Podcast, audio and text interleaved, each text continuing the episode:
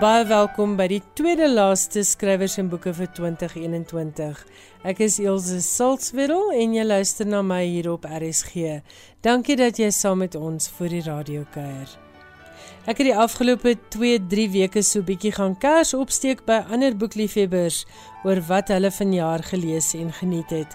Dis nou met die oog op vakansie leeslyste en natuurlik ook om die keuses makliker te maak as daar iemand in jou lewe is vir wie jy 'n boek wil gee of as jy jouself wil bederf met ietsie nuuts op jou leeslys.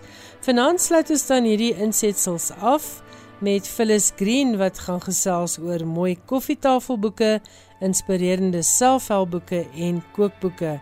En dit is Phyllis Green wat Sari se boeke redakteur is.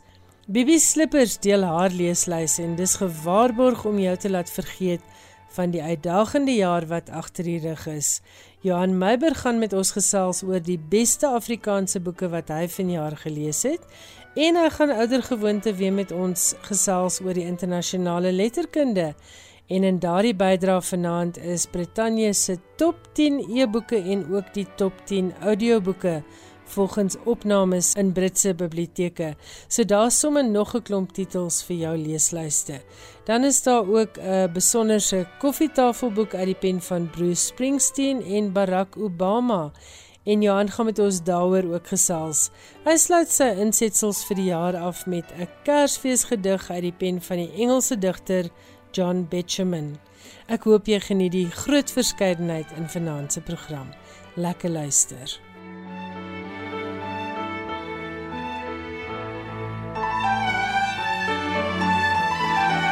Maar kom ons spring sommer dadelik weg en vanaand gaan Johan Meiburg vir ons die program afskop en afsluit.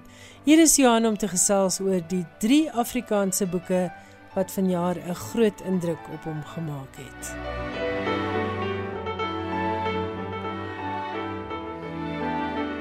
In hierdie program gee ek 'n aanduiding van enkele van die romans en kortverhaalbundels wat van jare in Afrikaans verskyn het en 'n indruk op my gemaak het.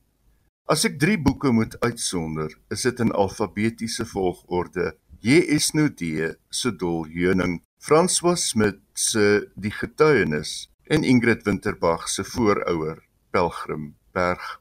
In Dol Heuning duik berg en verwysings na berge soos in die skildery van David Whiteman wat op die voorblad gebruik word, nie net as geologiese verskynsel in etlike van die verhale op nie, soos die skihange van die Italiaanse Alpe of die graniet van Tafelberg of die berge en klowe van Auvergne, Frankryk, maar ook as berg soos in Bergplek, 'n private galery vir kunstskatte, as burg, die Borghotel in Reykjavik, of as vesting, 'n chateau in België of 'n klankdigte woonstel met dubbele panele glas in Manhattan om enkele voorbeelde te noem. Saam met 'n soeke na geborgenheid is dit in talle verhale die onherbergsaamheid van die landskap of die omgewing of die gemoed van die figure in die landskappe waarmee en waardeur 'n gevoel van ontreddering geaktiveer word. Ondanks alarmstelsels en veiligheidskameras in 'n voorstedelike huis in Johannesburg kom 'n mens in die verhaal die dal van dood skaduwee die titel verklap dit reeds gewoon net nie weg van 'n knaande agterdog en onsekerheid nie Dolheuning is 'n verruklike bundel kortverhale wat jou meesleur oorweldig troos en ontstem 'n waardige voortsetting van Odeese skrywerskap wat begin het met die kortverhale Alfabet van die Voëls in 2011 en die roman Die Derde Spoel van 2017 waarmee hy die Hertzogprys verower het. Esienodee se Dol Heuning word uitgegee deur Umusi. Kort op die hakke van die kleinste ramp denkbaar wat verlede jaar verskyn het, het François Smit se jongste roman, Die Getuienis, vroeër vanjaar verskyn. In die bestek van 160 bladsye voltrek Smit 'n reis kompleet met gewaande paradys, purgatorium en swaaldampe van die hel, en boonop 'n reis die verlede in en een waarin die verhouding tussen 'n man en 'n vrou en hul vader gepyl en geweeg word. Rita en Gerbrand is op reis van Naboomspruit na Ventershoop in die omgewing waar Gerbrand groot geword het. Op die reis in 'n geleende Figo is die twee op mekaar aangewese, hoewel hulle binne 'n geloofsverwysingsraamwerk etlike insette van buite kry.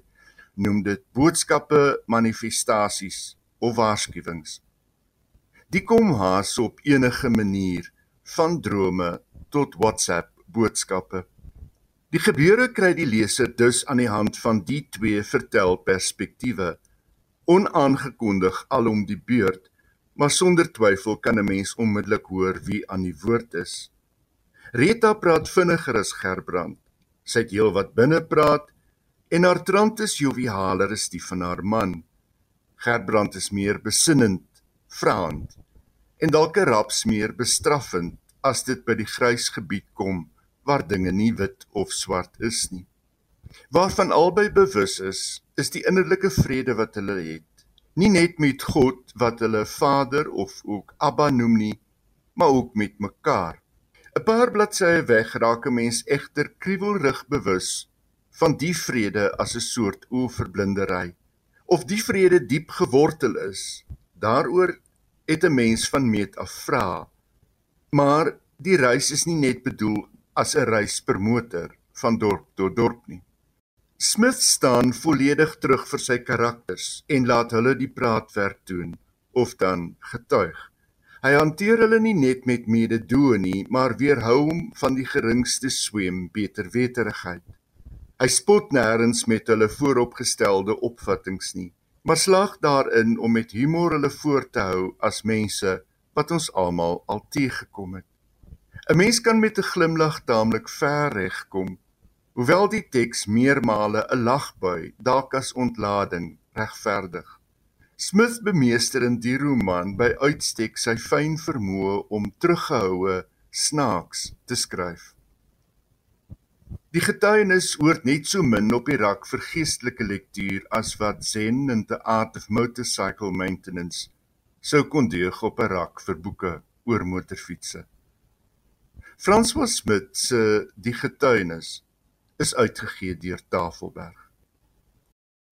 Ingrid Winterbag se jongste roman, Voorouer Pelgrimberg, bestaan soos die titel aandui uit die drie komponente. Die duidelikste bindende faktor is Katarina Steenkamp as eerste persoonsverteller, 'n middeljarige skrywer wat besig is met 'n prolroman met die titel Vlam van Wraak kranige leser en kunswaardeerder. 'n Vrou met 'n kop vir die kleinste besonderhede en boonop 'n ontwikkelde visuele ingesteldheid. Die openingssin is derhalwe nie onvanpas nie. Ek staan voor my kombuisvenster. Blik op, uitsig op en veral insig in is wat haar aan die gang hou. Wat Katarina sien of dit die met die oog waarneembare is of met die geestesoog of dit terugblik is of herinnering, dit word analiserend en interpreterend betrag.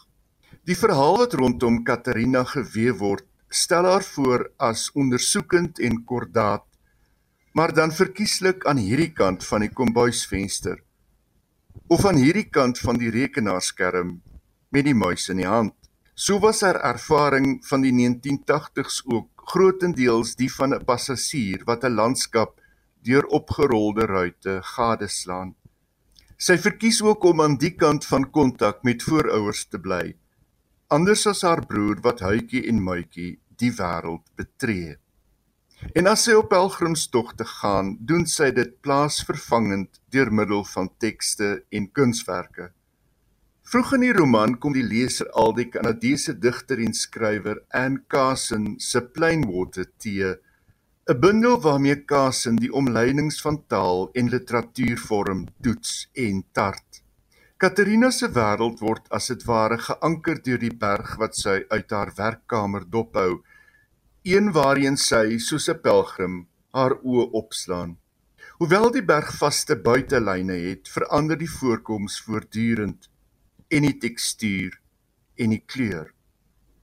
Die berg word in etlike paragrawe beskilder soms in waterverf, soms in dik impasto. So tasbaar dat 'n mens die berg nie net in jou verbeelding sien nie, maar straks daaraan kan vat. Winterbag se ontginning van kleur en tekstuur is wat 'n mens se kragtoer sou noem.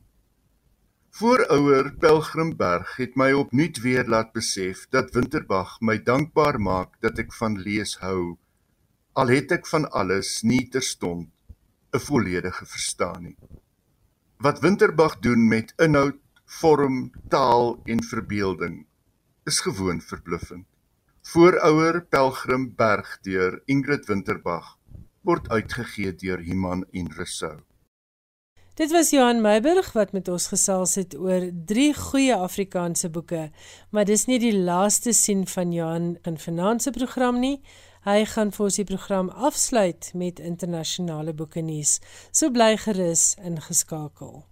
Maar nou gaan ons vir die derde keer in 3 weke luister na Phyllis Green. Sy is Sari se boekredakteur en een van die mense wat ek ken wat regtig baie lees en baie wyd lees. En vanaand stel sy vir ons 'n lysie saam spesifiek met die oog op Kersgeskenke. Dit is koffietafelboeke, selfhelpboeke en ook 'n paar kookboeke. Hier is Phyllis Green. Hallo Ilse. Dis baie lekker om weer saam met jou te kuier. Vanaand wil ek 'n bietjie gesels oor selfhelpboeke en ook fantastiese koffietafelboeke.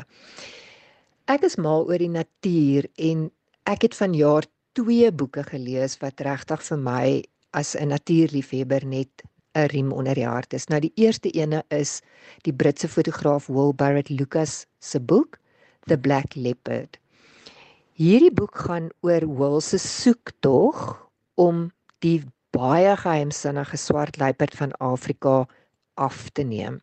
Hy het as klein kindjie die eerste keer kennis gemaak met luiperds toe hulle in Afrika gewoon het vir 'n ruk en dit het hom net 'n fascinasie gegee met hierdie diere.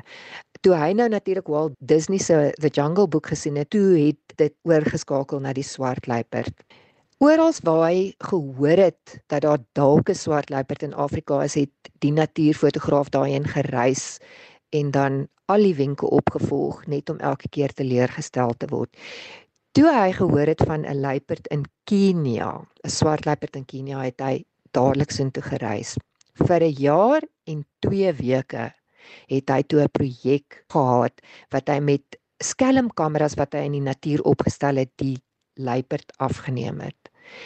Nou in daai tyd het hy net 26 fotos van die swart luiperd geneem. Hoe hoe fantasties is dit? Nou dis so 'n mooi boek en Will skryf ook sy storie van sy soektog na die swart luiperd. So die boek The Black Leopard word uitgegee deur HBH Publishing. Die ander boek Photo Tales Wildlife Photo Stories from Africa volume 2. Dit word ook uitgegee deur HBH Publishing. Nou hierdie boek gaan oor gewone besoekers aan wildtuine in Suid-Afrika se ervarings daar. Dit is hulle fotos, die stories wat hulle skryf oor daai fotos en die eerste volume van hierdie boek was so gewild dat daar nou hierdie tweede boek is. As jy deur hierdie stories lees en na die fotos kyk, kan jy nie glo dis deur amateurfotograwe geneem nie. Die ander koffietafelboek wat my baie trots gemaak het om 'n Suid-Afrikaner te wees, is Mark Gregory, die fotograaf Mark Gregory se se boek In Good Company: A Visual Storytelling Journey with 32 South African Greats. Hierdie projek het hy ook ten bate van Reach for a Dream gedoen. In die boek het hy 32 baie inspirerende Suid-Afrikaners afgeneem. Dis mense soos Tuli Madonsela, ehm um, Catherine Constantinides, Gert Johan Kutse, Liesel van der Westhuizen, dis nou maar net 'n paar. Elkeen van hulle het hy 'n portret van geneem en dan het hy met digitale tegnieke hierdie mense se portret tot 'n klein kunswerk omvorm. Jenny Griesel skryf in die teks die storie van elkeen van hierdie inspirerende mense. Daar's ook AR kodes waar lesers die kode kan skandeer met hulle slimfoon en dan op die webwerf www.ingoodcompany.live kan gaan kyk om 'n interaktiewe ervaring van hierdie projek te beleef. In Good Company, dit word ook uitgegee deur die maatskappy In Good Company, so lesers kan maar gaan soek op die webwerf. Nou kook is ook een van my passies. Wie wil dan nou nie lekker eet nie? So ek kyk altyd na al die kookboeke wat uitkom. Die kokkedoor Marinda Engelbreg dink ek is net so 'n uh, groter as lewensgroot persoonlikheid in haar twee boeke hierdie jaar was vir my regtig so oulik. Die eerste een is gemik op op ouer lesers en dit is uh, Marinda se koskas en dit is nou gemik op mense wat nie vir ure in die kombuis wil staan nie, maar wat sommer vinnig lekker trooskos wil maak. Regtig 'n oulike boek. Nou haar volgende boek waaroor ek praat is spesifiek gemik op kinders. Dis Marinda se kinderkombuis. Dis so kleurvolle oulike boek wat fotos en illustrasies in het, baie maklike resepte en dan ook baie oulike wenke. Nou as jy graag wil hê jou kind moet 'n bietjie meer in die kombuis wees en 'n bietjie kook, dan is hierdie die boek vir hulle. Die twee boeke word uitgegee deur Tafelberg. Nou Sari se kosredakteur Herman Lensing is 'n bekende by meeste mense wat graag kook. Sy nuwe boek Huiskos volg op sy boek Dit broei soos huis. Dit vertel sy nostalgiese lewensreis en die reis deel hy in resepte. Mense wat 'n invloed op hom gehad het, die resepte wat hom help om deur die lewe te kom. Die boek word uitgegee deur Penguin. Ilse, ek dink COVID het gemaak dat ons almal baie anders na die lewe kyk. En wanneer 'n mens deur uitdagende tye gaan, dan is dit outomaties dat daar 'n klomp selfhelpboeke geskryf word om mense te help. Nou hierdie jaar is dit ook nie 'n uitsondering nie. En daar is 'n sweterjoelboeke waaruit luisteraars kan kies. Vir my is die belangrikste boek van hierdie jaar die boek wat jy geskryf het. Die boek se naam is Floreer. Ilse Salzveld het dit geskryf en is uitgegee deur Lux Verbi. Die onderwerp daarvan is veerkragtigheid. En in die boek verduidelik Ilse wat veerkragtigheid is hoe jy dit kan ontwikkel en hoe dit jou gaan help. Hierdie eienskap is die ding wat jou help om terug te bons wanneer die lewe jou 'n paar harde klappe gee. Maak nie saak waar daai klappe vandaan kom nie. En luisteraars kan ook op sari.com onder onder die video's gaan kyk na die vier baie lekker gesprekke wat ek met Ilse gehad het oor haar boek Floreer. Floreer word uitgegee deur Lux Verbi. Nou geld dink ek is 'n kwelling vir meeste mense en veral die sekerheid rondom 'n mens se finansiële posisie in hierdie onsekere tye waarin ons lewe. Nou die Suid-Afrikaanse skrywer Kim Potgieter en sy's ook 'n geldguru, skryf met baie gesag oor finansies. Um ek het haar heel eerste raak geloop toe ek die boek Retirement aangeskaf het. Um waarin sy kyk na jou beplande aftrede en hoe jy dit moet benader sodat jy nie ankerloos voel wanneer jy wel aftree met baie tyd op jou hande sit nie. Na jongste boek se naam is Midlife Money Makeover. Hierdie boek word uitgegee deur Tafelberg.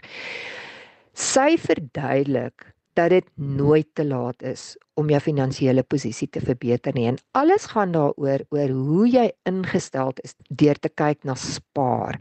Hoe maklik dit eintlik is om te spaar en dat jy nie 'n fortuin hoef te hê om te kan spaar nie. Is regtig maklik om te lees en dit is toepaslike wenke. Ehm um, goed wat jy kan doen. So Midlife Money Makeover deur Kim Potgieter is uitgegee deur Tafelberg. Nou nog 'n boek wat jou gaan help om bietjie meer geld in jou sak te bring, ehm um, is Nick Harambulu se boek how to start a side hustle. Dis veral gemik op enige een wat nog altyd 'n idee vir 'n besigheid gehad het, maar net te bang was om daai eerste stap te neem om hulle droom te realiseer. Ek dink COVID ehm um, het nou die geleentheid geskep. Nou Nick verduidelik hoe jy daai eerste stap kan neem. Hy deel sy lesse wat hy in sy 20 jaar as 'n entrepreneur geleer het. Dis baie prakties en baie toeganklik en mense kan amper sê dit is 'n idiot's guide vir mense wat graag 'n besigheid of net 'n stokperdjie as 'n klein besigheid wil begin. How to start a side hustle word ook uitgegee deur Tafelberg. Twee glanspersoonlikhede en baie mooi vroue het vanjaar selfhelpboeke uitgegee wat my verras het. Ek het uit al twee goeie lesse geleer. Mense sou dink 'n skoonheidskoningin wat die kroon as mevrou wêreld gedra het sal oorloop van selfvertroue en dis toe nou nie die geval nie. In Rolien Strauss se boek Herontdek jou selfvertroue vertel sy haar lewensverhaal en ook haar stryd met selfvertroue, hoe sy as 'n jong meisie al daarmee gesukkel het en hoe hard sy moes werk om haar selfvertroue op te bou. Vandag is sy 'n professionele lewensafrigter gegradueer en fokus hy daarop om vroue te help. Nou in hierdie praktiese gids deel sy sewe stappe waardeur jy jou selfvertroue kan verbeter. Praktiese boek wat as 'n werkboek dien wat jy reg deur jou lewe kan gebruik. Die boek word ook uitgegee deur Tafelberg. Leandi Durant is bekend as 'n aktrise maar ek weet nie hoeveel mense regtig weet dat hierdie jong talentvolle jong vrou ook 'n vernuftige sakevrou is nie. In haar boek My Heks vir die Lewe deel sy haar lewenslesse. Dit sluit baie diverse onderwerpe in van skoonheid oefening die eet. Ehm um, as jy wil kuier hoe jy kan kies om uit te eet. Ehm um, nou sy skryf ook oor haar lewensverwagtinge, die wenke wat sy het wat jy kan toepas om jou lewensverwagtinge realisties te maak, jou ingesteldheid oor dankbaarheid en dan vertel sy ook oor verhoudings, trauma en vergifnis. Sy skryf vanuit haar eie ervaring en deel haar lewe met lesers. Nou haar besigheidswenke verduidelik haar benadering oor hoe jong mense van vandag sake doen en hoe hulle bemarking benader. Vir my wat 'n ouer leser is, was dit regtig baie insiggewend want dit het vir my gevoel ek weet sommer baie beter wat in my jonger peetkinders se koppe aangaan. My heks vir die lewe word uitgegee deur Penguin en Leandi Durant het dit geskryf. Hiermee sluit ek my jaarlikse oorsig oor die inspirerende boeke wat ek gelees het af. Ek wil graag vir al die luisteraars 'n geseënde feestyd en bovenal gesondheid toewens en mag daar ook wonderlike boeke op julle lewenspad kom. Dit was Phyllis Green, Sari se boeke redakteur. Phyllis, baie dankie vir jou mooi woorde oor my boek en ook baie dankie aan Sari vir alles wat julle hierdie jaar vir Floreer gedoen het. En dit is die voorlaaste skrywers en boeke hier op RSG vir 2021. En nou gaan Bibi Slippers vir ons vertel wat om te lees sodat ons regtig waar ons koppe kan skoonmaak en net kan ontspan. Bibi, baie welkom by Skrywers en Boeke. En vertel vir ons wat is daar alles op jou leeslysie? So vir diegene wat in die vakansie 'n bietjie weier wil lees as die Afrikaanse skrywers wat ons goed ken en gewoonlik lees en wat wil tyd maak om ander genres te lees en ander skrywers te ontdek, het ek 'n paar aanbevelings vir hierdie somervakansie. Een boek wat ek spesifiek vir die einde van hierdie jaar wil aanbeveel, 'n jaar wat regtig uitdagend gevoel het en soos een wat baie min vreugdes bevat het, is A Gentleman in Moscow van Amor Towles. En die boek is net ongelooflik lewensbevestigend. Ek kan nie aan 'n ander manier dink om dit te beskryf nie. Werklik waar vol klein juweeltjies. Dit dit was net 'n fantastiese lees. So dis nie 'n splinte nuwe boek nie. Ek dink dit het hier rondom 2016 al uitgekom. Ehm uh, maar dit resoneer veral met die idee van 'n lockdown en wanneer jou vryheid ingeperk is is hierdie boek regtig 'n fantastiese manier om um, te sien dat daar nog steeds vreugde en liefde en mooi dinge in die lewe te vind is. Vir diegene wat op soek is na ligte leesstof, wil ek drie boeke aanbeveel. Ek gaan nie veel oor die boeke sê nie.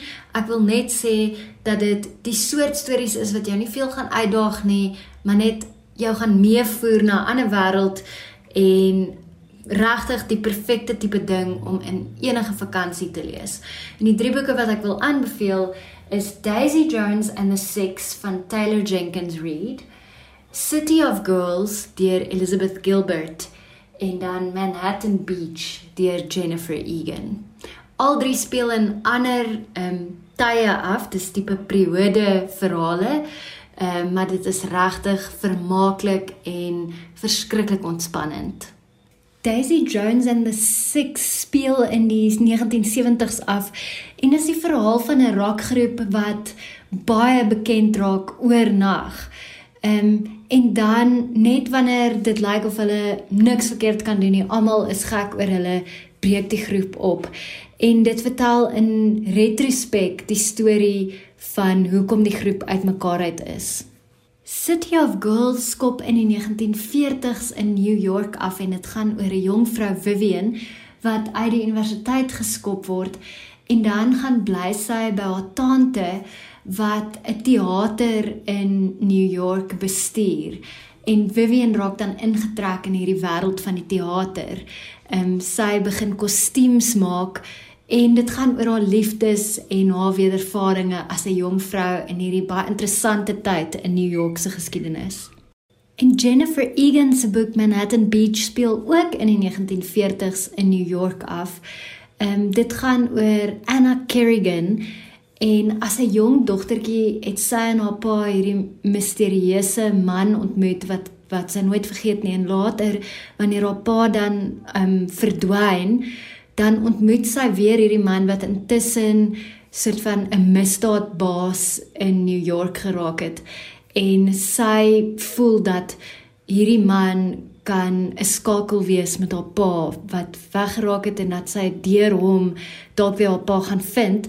Maar soos hierdie stories maar gaan, raak sy dan verlief op hom. En die storie neem 'n klomp draaie, maar dit is werklik interessant en 'n baie fascinerende blik weer eens op 'n ongelooflike vreemde tyd dink ek in die geskiedenis. Nou vir die van julle wat baie vinnig lees en in die vakansie sommer deur 'n hele hoop boeke werk, sal ek die volgende reeks aanbeveel. Dis die Neapolitaanse romans deur Elena Ferrante. Ehm um, die boeke is getiteld My Brilliant Friend: The Story of a New Name, Those Who Leave and Those Who Stay, en dan The Story of the Lost Child. En dit is een stel karakters en ons volg hierdie vroue vandat hulle klein dogtertjies is tot aan die einde van hulle lewens. Fascinerend en dit trek jou regtig in en voer jou mee na Italië. Nou as jy nogal gatvol is vir realiteit en nuus en die werklike lewe, is dit dalk tyd om 'n bietjie fantasie 'n kans te gee. En twee skrywers wat ek wil aanbeveel is Philip Pullman en Robin Hobb. Nou Pullman het twee beroemde reekse um his dark materials en dan die reeks waarmee hy tans besig is is the book of dust wat aansluit by his dark materials en hierdie boeke is absoluut ook ges, geskik vir volwassenes. Um dan is daar vroulike skrywer Robin Hobb en ek het begin met haar Assassin reeks. Ek het al die boeke in daai reeks gelees en ek het nog nie aangegaan na ander reekse toe nie, maar ek dink die Assassin reeks is 'n goeie plek om te begin as jy wil ontsnap van realiteit. Diegene wat dalk wil uitbrei na ander genres en nie fiksie 'n kans wil gee, um, 'n boek wat ek persoonlik baie inspirerend gevind het, dis amper in die selfhelp kategorie, maar dis Elizabeth Gilbert se boek Big Magic en dit gaan oor kreatiwiteit en hoe enige mens 'n meer kreatiewe lewe kan leef. Dit gaan nie noodwendig oor skryf of sing of verf of so nie. Dit is ook baie en ehm, behulpsaam daarmee, maar dit daag gewone mense uit om meer kreatief te lees of te wees. En dan ook enige boek deur Alain de Botton. Ek vind sy nuwe fiksie geweldig maklik om te lees en altyd inspirerend en opbouend en net 'n vreugde. Mens leer verskriklik baie uit die boeke, maar dit is ook net werklik lekker om te lees. En laastens vir diegene wat poesie kans wil gee hierdie vakansie omdat mense 'n bietjie tyd het en bietjie stil kan raak, so ek sê 'n wonderlike plek om te begin met poesie is Mary Oliver. Ehm um, die skrywer is so jaar of 2 gelede oorlede. Ehm um, maar sy skryf verskriklike toeganklike poesie, maklik om te lees en werklik kos vir die siel. Dit voed jou en dit laat jou dink. Ehm um, maar dit is nie intimiderend nie en dit is nie moeilik om te verstaan nie. En dis 'n dis 'n goeie manier om net 'n bietjie poesie deel te maak van jou spyskaart van lees en boeke. 'n Laaste ding wat ek oor hierdie boeke wil sê is dat dit nie 'n fortuin hoef te kos om baie lekker te lees in die vakansie nie. Al die boeke waarvan ek nou gepraat het, is ouer en jy gaan hulle waarskynlik in tweedehandse boekwinkels kan raakloop of selfs op spesiale aanbiedinge in nuwe boekwinkels, maar kyk ook in die biblioteek waar jy hulle heel waarskynlik gratis sal kan uitneem en lekker lees die vakansie sonder om baie geld uit te gee. Baie dankie Bibi Slippers. Nou is dit Johan se beurt om vir ons die program af te sluit, hierdie keer met die internasionale boekenuus. Soos ek vroeër gesê, daar's 'n koffietafelboek uit die pen van Bruce Springsteen en Barack Obama. En dan is daar 'n gedig oor Kersfees uit die pen van die Britse digter John Betjeman. En dan nog 20 name vir jou leeslys. Dit is Britse Biblioteke se gewildste audio en e-boeke vir 2021. Openbare biblioteke in Brittanje het vanjaar met die voortsleepende pandemie 'n toename gesien in aanvraag vir e-boeke asook audioboeke via die Libby app wat gebruikers in staat stel om die biblioteekboeke af te laai op leestoestelle. Wat meer is, is dat inperkings daartoe bygedra het dat heelwat meer biblioteekgebruikers bewus geword het van openbare biblioteke se digitale versamelings. Die neiging om gebruik te maak van die app het duidelik 'n patroon geword met heelwat meer mense wat ondanks die feit dat biblioteke intussen heropen het, nietemin verkies om uit die digitale versamelings e- en audioboeke af te laai. Luister met die gewildste e- en audioboeke is ook intussen bekend gemaak. Die 10 gewildste e-boeke in Britse openbare biblioteke is The Thursday Murder Club van Richard Osman, The Midnight Library van Matt Haig, Clara and the Sun van Kazuo Ishiguro, The Secret Book and Scone Society deur Ellery Adams, Shaggy Bane deur Douglas Stewart, The Sentinel deur Lee Child, The Darkest Evening deur Anne Cleves, Five Total Strangers deur Natalie D. Richards, Grown Ups deur Marion Keyes en Bridgerton Collection Volume 1 deur Julia Quinn.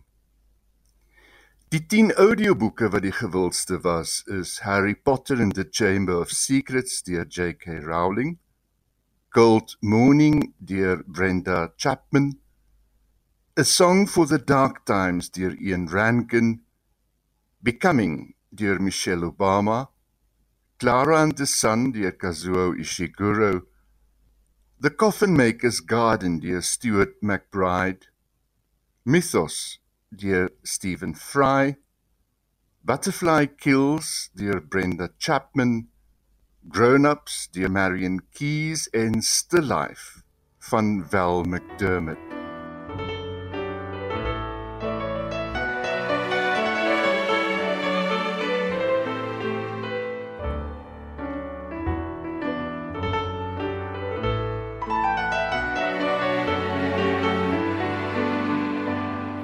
Renegades Born in the USA is 'n boek wat onlangs verskyn het in koffietafelformaat met fotos, anekdotes en gesprekke tussen twee bekende Amerikaners.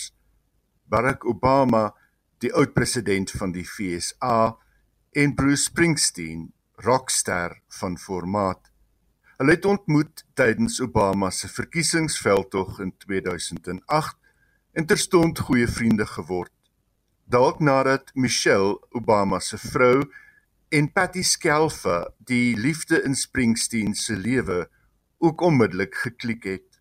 Met 'n subtitel soos Dreams Myths Music het die boek benewens fotos wat nog nie voorheen gepubliseer is nie, ook handgeskrewe lirieke van Springsteen treffers en aantekeninge by 'n hele paar van Obama se roerendste toesprake. Meer nog, albei lê hulself bloot in die boek soos nog nooit tevore gesien is nie. Ondanks talle boeke oor die twee, bied Renegades Born in the USA nuwe perspektiewe en ontdekkings. Renegades Born in the USA deur Barack Obama en Bruce Springsteen word uitgegee deur Viking.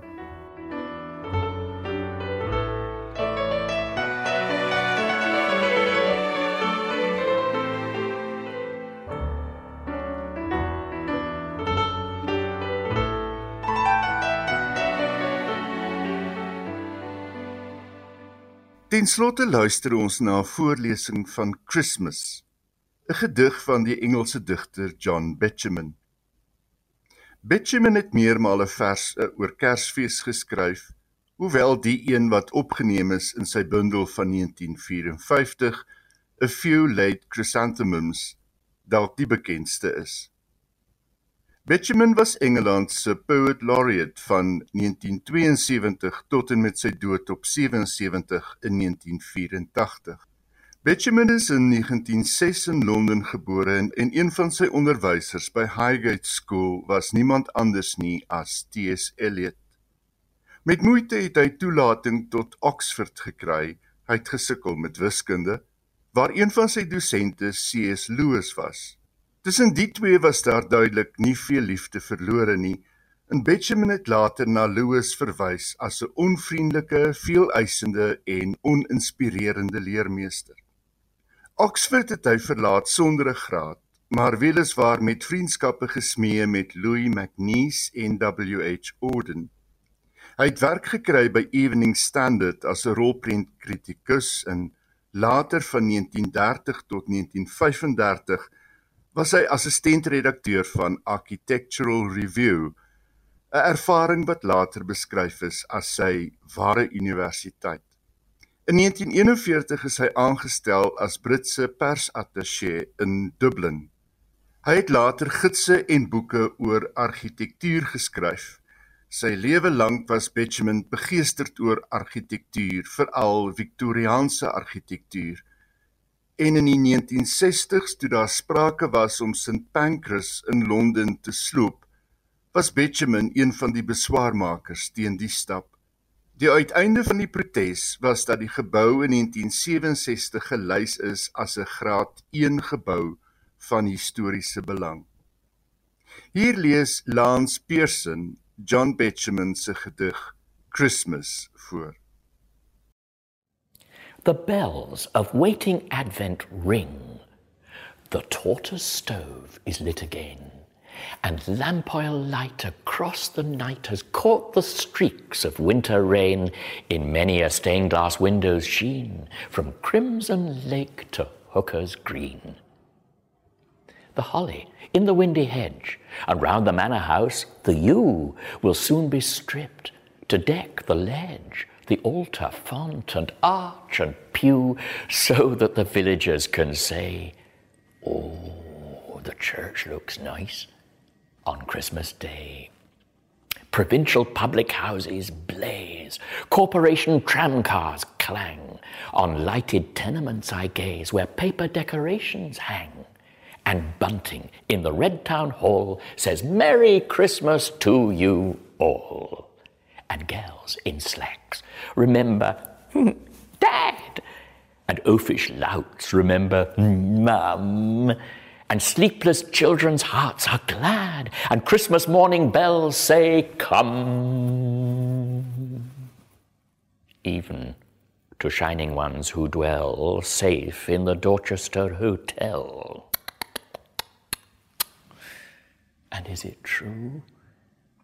And is it true, this most tremendous tale of all, seen in a stained glass window's hue, a baby in an ox's stall? The maker of the stars and sea, become a child on earth for me? And is it true? For if it is, no loving fingers tying strings around those tissued fripperies, the sweet and silly Christmas things, bath salts and inexpensive scent, and um, hideous tie, so kindly meant.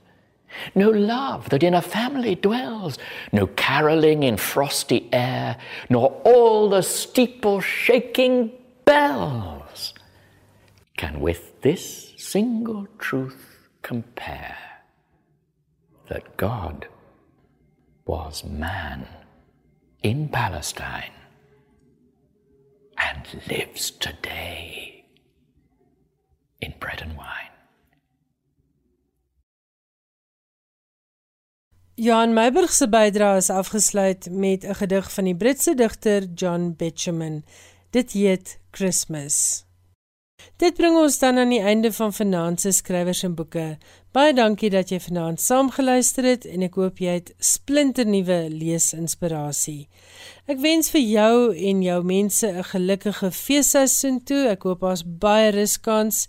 Ek hoop dit is 'n gelukkige tyd en ek hoop dat Kersfees, as jy Kersfees vier, vir jou 'n vreugdevolle, geseënde tyd sal wees. Dit is tyd vir ons almal om so 'n bietjie rustig te raak en net te ontspan en ek hoop jy kry ook daardie kans. Ek wens vir jou vrede, liefde en heerlike samesyn toe vir die groot dae wat voorlê. En onthou, RSG is steeds hier vir jou 24 uur per dag. Tot ons weer saamkuier volgende Woensdag aand om 8uur vir die laaste program van 2021.